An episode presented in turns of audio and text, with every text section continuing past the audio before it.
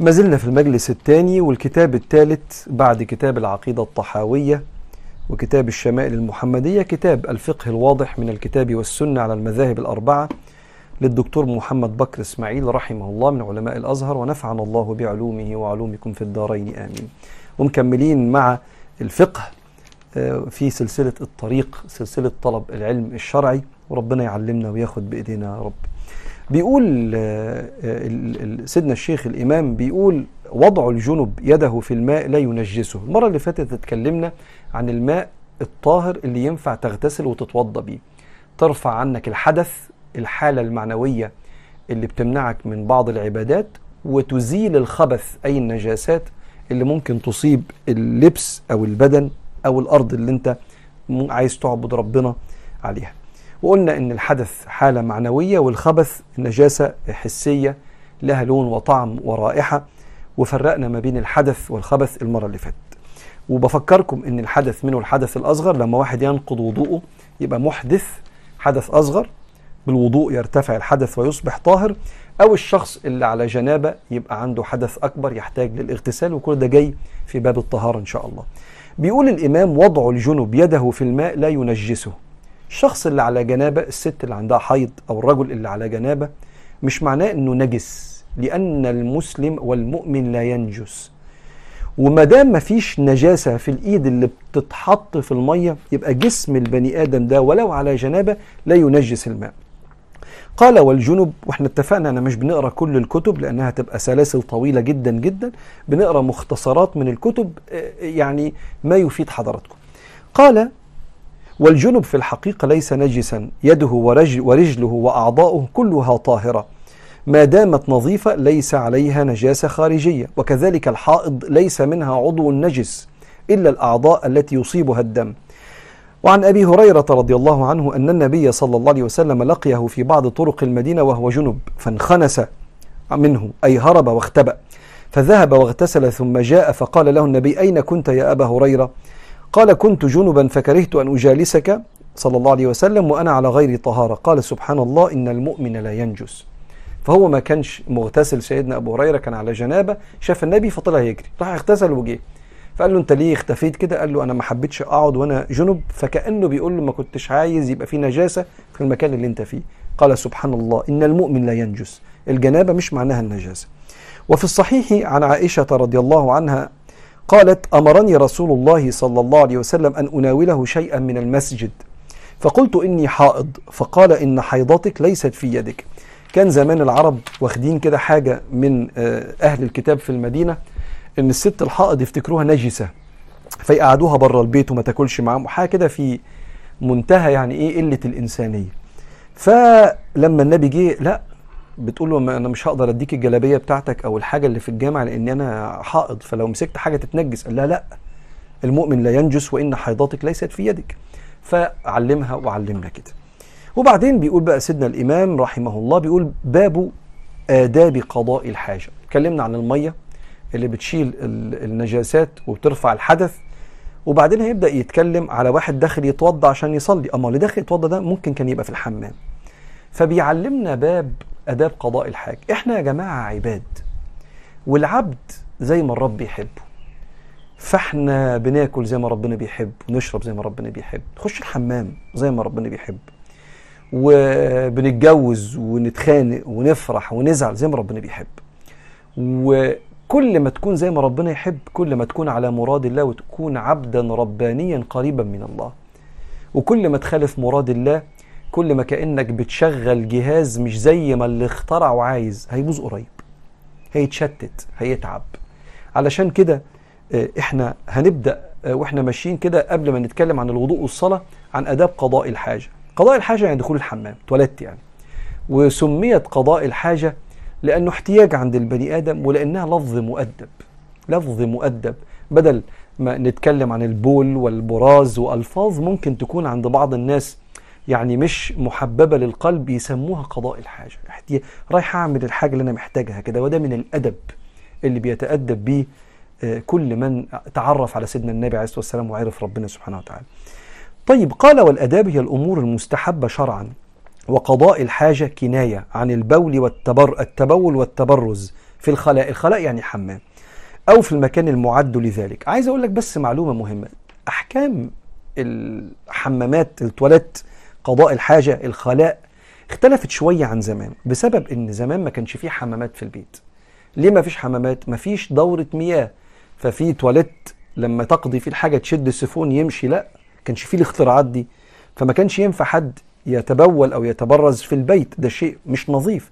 فكانوا بيروحوا الأماكن بعيدة ورا الجبال يبقى في ساحة كده الناس بتعمل فيها الموضوع ده. فكانت أماكن نجسة. ليه؟ ارض زي ما هي كده. كان في هنا واحد بيتبول واحد هنا بيتبرز. مش زي عندنا في ففي بعض الأحكام هناخدها شبه زمان وبعض الأحكام قد تغيرت. وهقول لك دلوقتي بسبب إن الحمامات عندنا شكلها اتغير. لكن في الآخر هناك آداب بتمشي في كل زمن متعلقة بأدب البني آدم نفسه.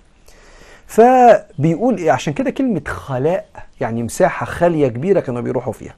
وأطلقت دلوقتي على الحمامات بتاعتنا. أول أدب من آداب قضاء الحاجة هو البعد عن الناس والاستتار عنهم. تقول لي على فكرة عادي ما كلنا كده. لا الناس كانتش تعمل كده زمان. وفي بعض الدول في بعض يعني لما تسافر بره في بعض الدول الناس يعني في الحمامات بتغير قدام بعض والناس اللي عاشت بره عارفة الكلام ده. حتة الاستتار بالعورات والكلام ده وممكن يبقى في حمام مشترك. عارف بيبقى في كده حاجات.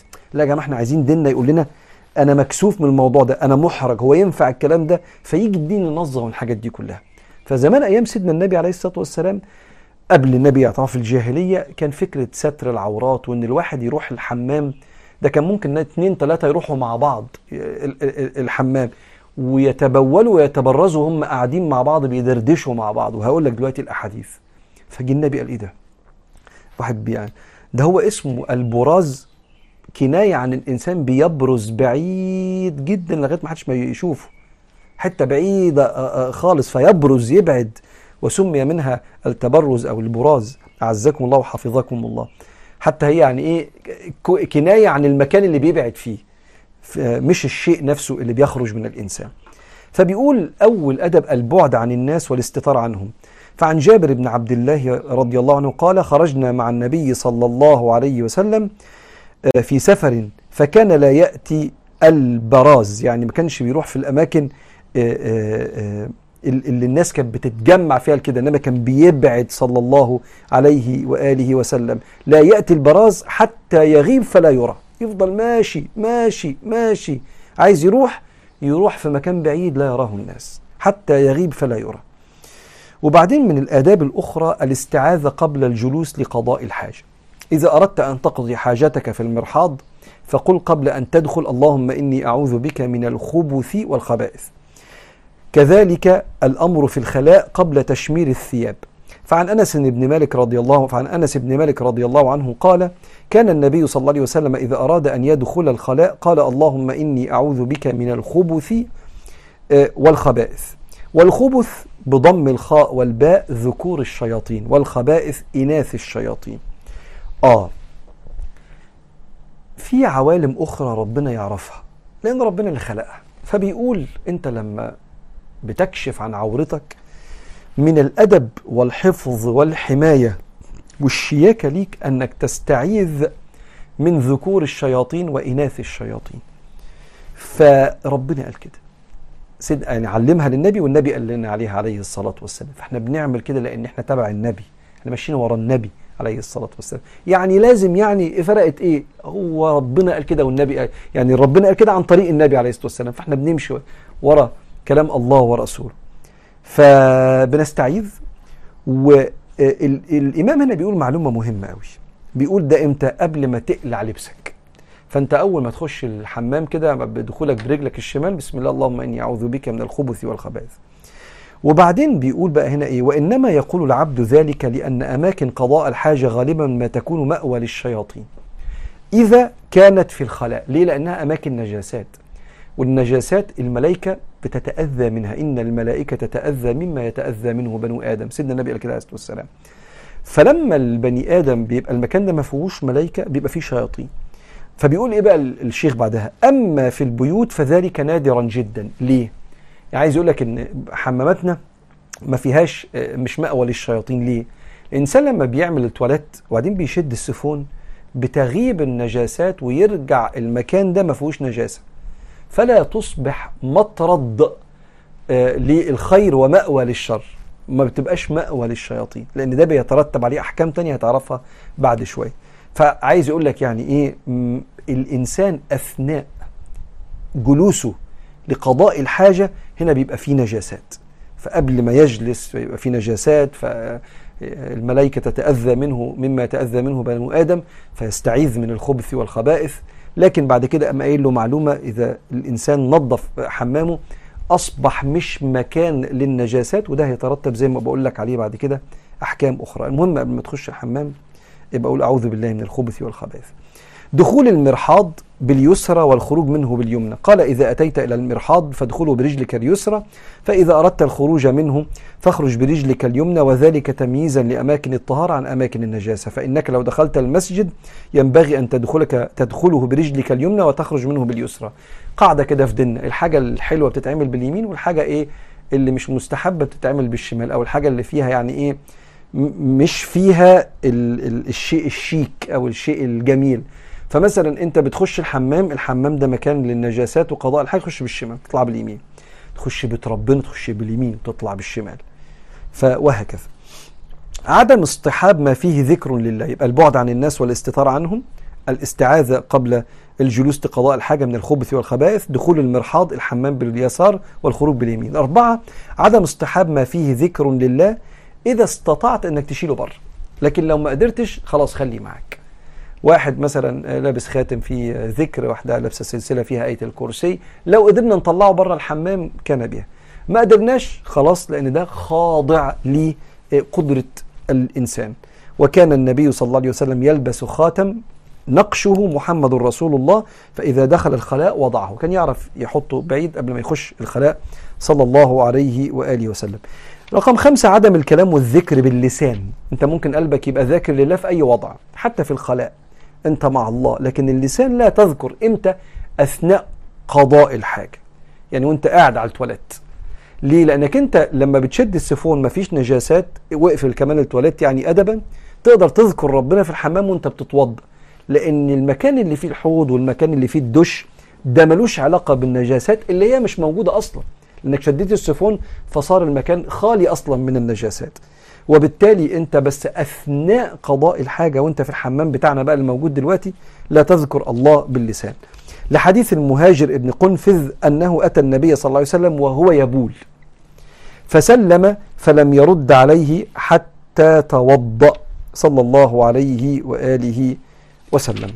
ثم بعد ذلك ما يقال بعد قضاء الحاجة.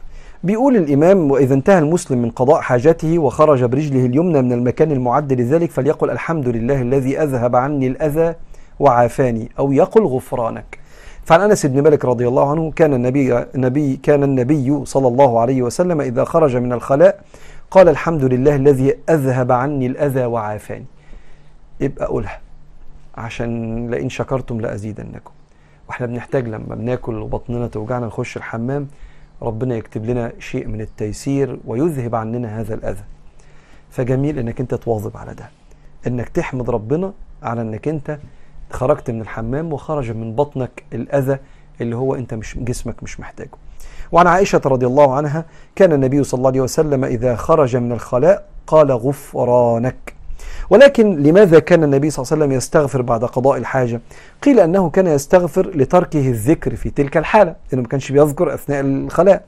لما ثبت عنه صلى الله عليه وسلم أنه كان يذكر الله على كل أحواله إلا في قضاء الحاجة فاعتبر ترك الذكر في هذه الحالة تقصيرا يستغفر منه. طبعا بيعلمنا إحنا صلى الله عليه وسلم أما هو حاشاه أن يكون مقصرا. وقيل استغفر لتقصيره برضه بيعلمنا حاشاه أن يكون مقصرا استغفر لتقصيره في شكر نعمة الله تعالى عليه بإقداره على إخراج ذلك الخارج كأنه بيقول لك لما تطلع استغفر ربنا إنك مش واخد بالك من نعمة كبيرة زي إنك تخش الحمام وتطلع مستريح من حاجة زي كده. دول ست آداب لقضاء الحاجة هنقف هنا ونكمل المرة اللي جاية بقية آداب قضاء الحاجة قبل ما نبدأ بقى نخش بعد كده على باقي باب الطهارة من الاستنجاء والوضوء والغسل وما بعد ذلك. نقف هنا كده ونكمل المرة الجاية آداب قضاء الحاجة من كتاب الإمام الكبير محمد بكر إسماعيل الفقه الواضح من الكتاب والسنة على المذاهب الأربعة شكراً